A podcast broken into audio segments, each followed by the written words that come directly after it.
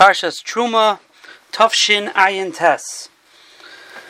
The Rachaim HaKadosh is bothered by a question, and the Torah lists off the different materials and things that were brought for the Mishkan, Zov, Kesef, Nechoshes, etc.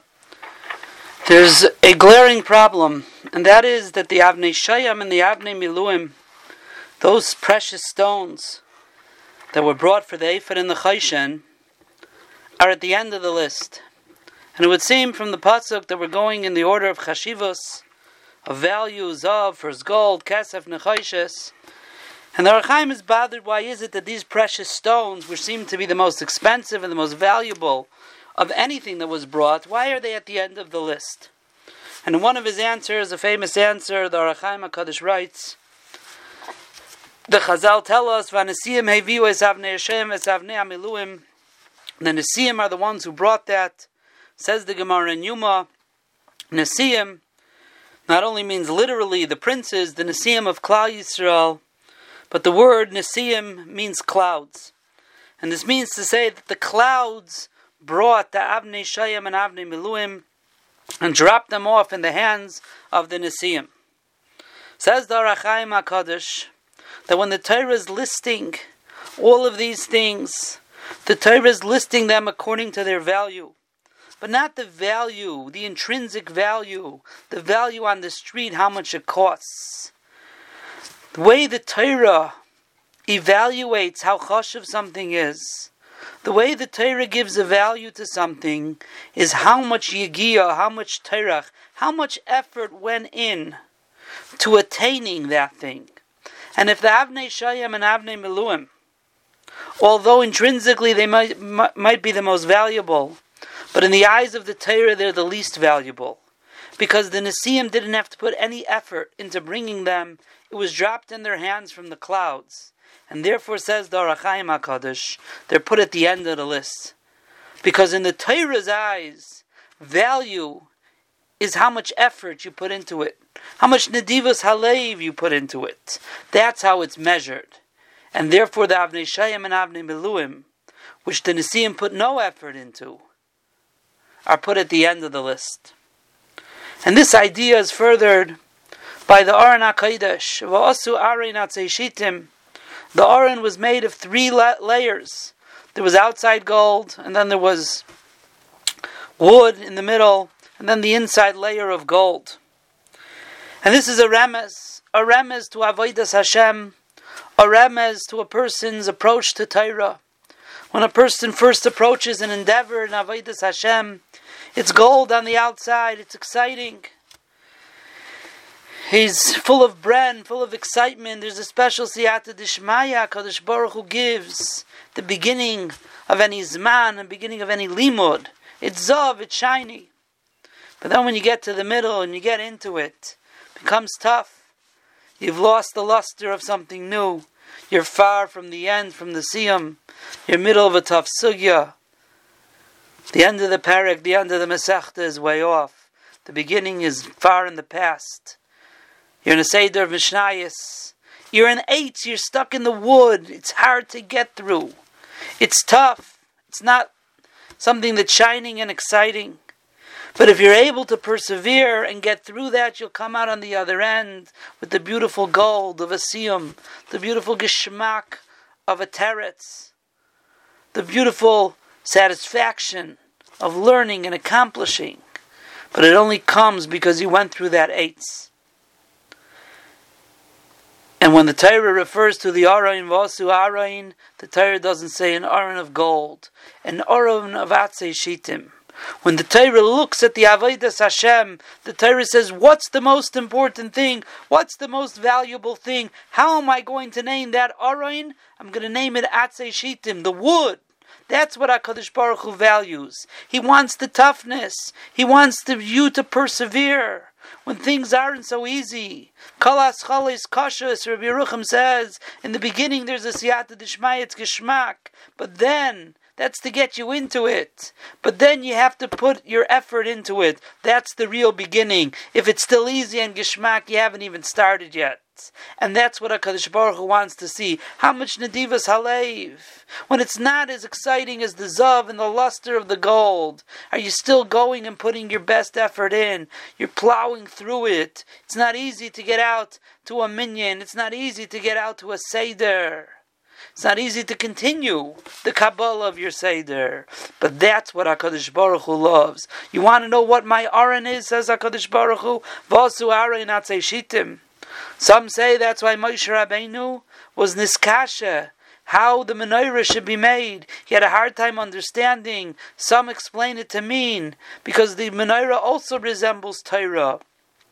Resembles the beauty of Torah, the Kaftorah Mufrachim, all the different beautiful parts of the menorah are all pieces of Torah. It's the Torah of the Talmud Chacham, of the Pilpul, of the Eon, of the Limud. Moshe Rabbeinu couldn't understand where's the wood. Where's the wood? How do you get such beautiful gold? The answer is Hashem said, throw it into the fire. Yes, you also have to go through wood. You also have to go through something tough. You got to go through a fire if you want to come out with kaftirim and prachim and the menorah on the other side. That's what Hakadosh Baruch Hu. That's what Hakadosh Baruch Hu loves. The orin of Atzei Shitim. And in fact, we all know lefum tzara agra. The more toil, the more effort it takes. Hakadosh Baruch Hu gives more schar. And I saw a pshat, chassidish pshat. Why is it that the Fum Tzara Agra is in Aramaic? It's found in the Mishnah. The Mishnah was written in Lashon HaKodesh. A few other places as well as Aramaic. But why here Aramaic?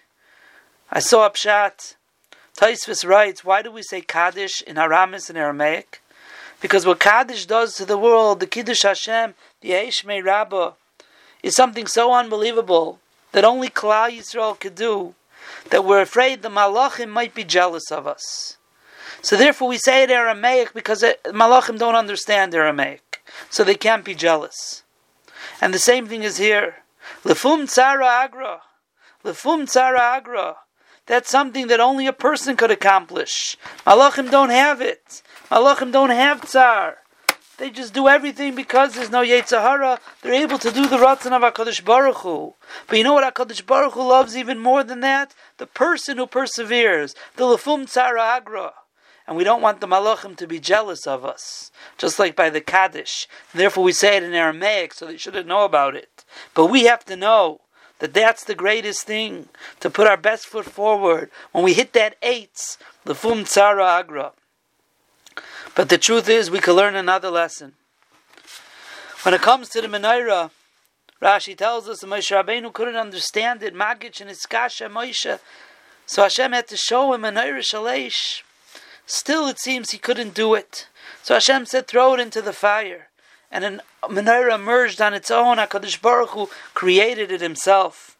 And the question is, if Moshe Rabbeinu was anyways not going to create the menorah, if Hashem was going to create it himself, so why did HaKadosh Baruch Hu give him the tzivui? And when he didn't understand it, he showed him a Mara Shalesh, a Menorah Shalesh, Kasher Haresa Bahar, like I showed you up there on Har Sinai. He's anyways not going to be doing it.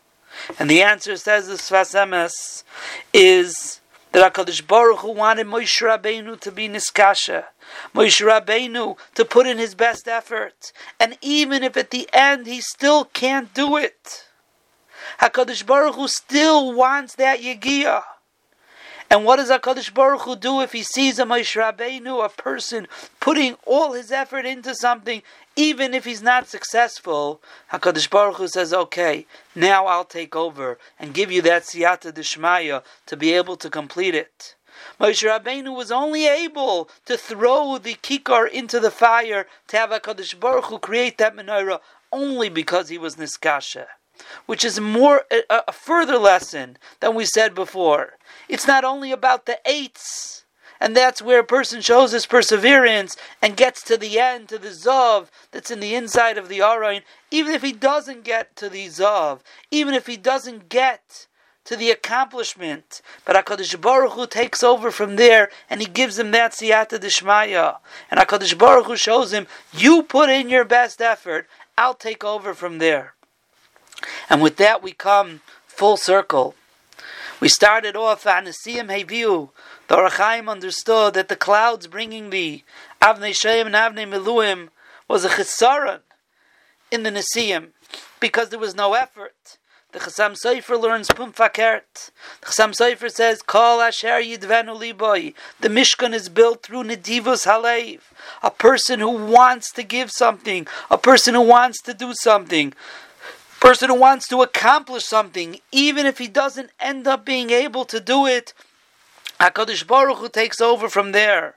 The Nesiim had such Nedivas Halev, they were chalishing to bring the Avnei Shayam and the Avnei Meluim, but they didn't have the wherewithal to do it. I would assume it means they tried their best, and they were Miyageya, and they had that desire and that Nedivas Halev.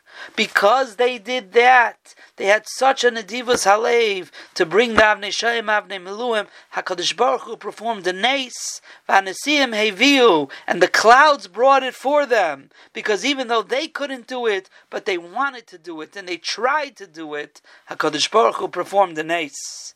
And Sisiyata Dishmaya, they were Zoiche, Panesiyim Eviu.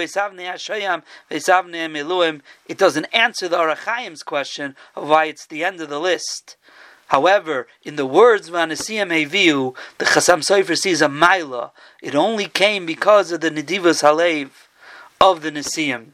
And that's the lesson that we learn here. To build a Mishkan, to do Avodah Hashem, to accomplish in Torah, in Avodah, in Tefillah, in Chesed, in Staka, in whatever aspect of Avodah Hashem, HaKadosh Baruch Hu wants to see the Nedivas Halev, and that Nedivas Halev is shown not in the Zahav, but in the Eitz, in the Vyasu, Arin Atzei Shitim, when things are hard, when things are a struggle, when things are a challenge, and a person perseveres and puts his best effort forward, whether he gets to the Zav or he doesn't get to the Zav, HaKadosh Baruch Hu sees that Nedivas Halev, and HaKadosh Baruch Hu continues to give that person the Siyata Dishmaya, Lefum Tzara Agra, that's what HaKadosh Baruch Hu loves about Klal Yisrael and about the Mishkan, which bring Hashras, brings Hashras Hashchina.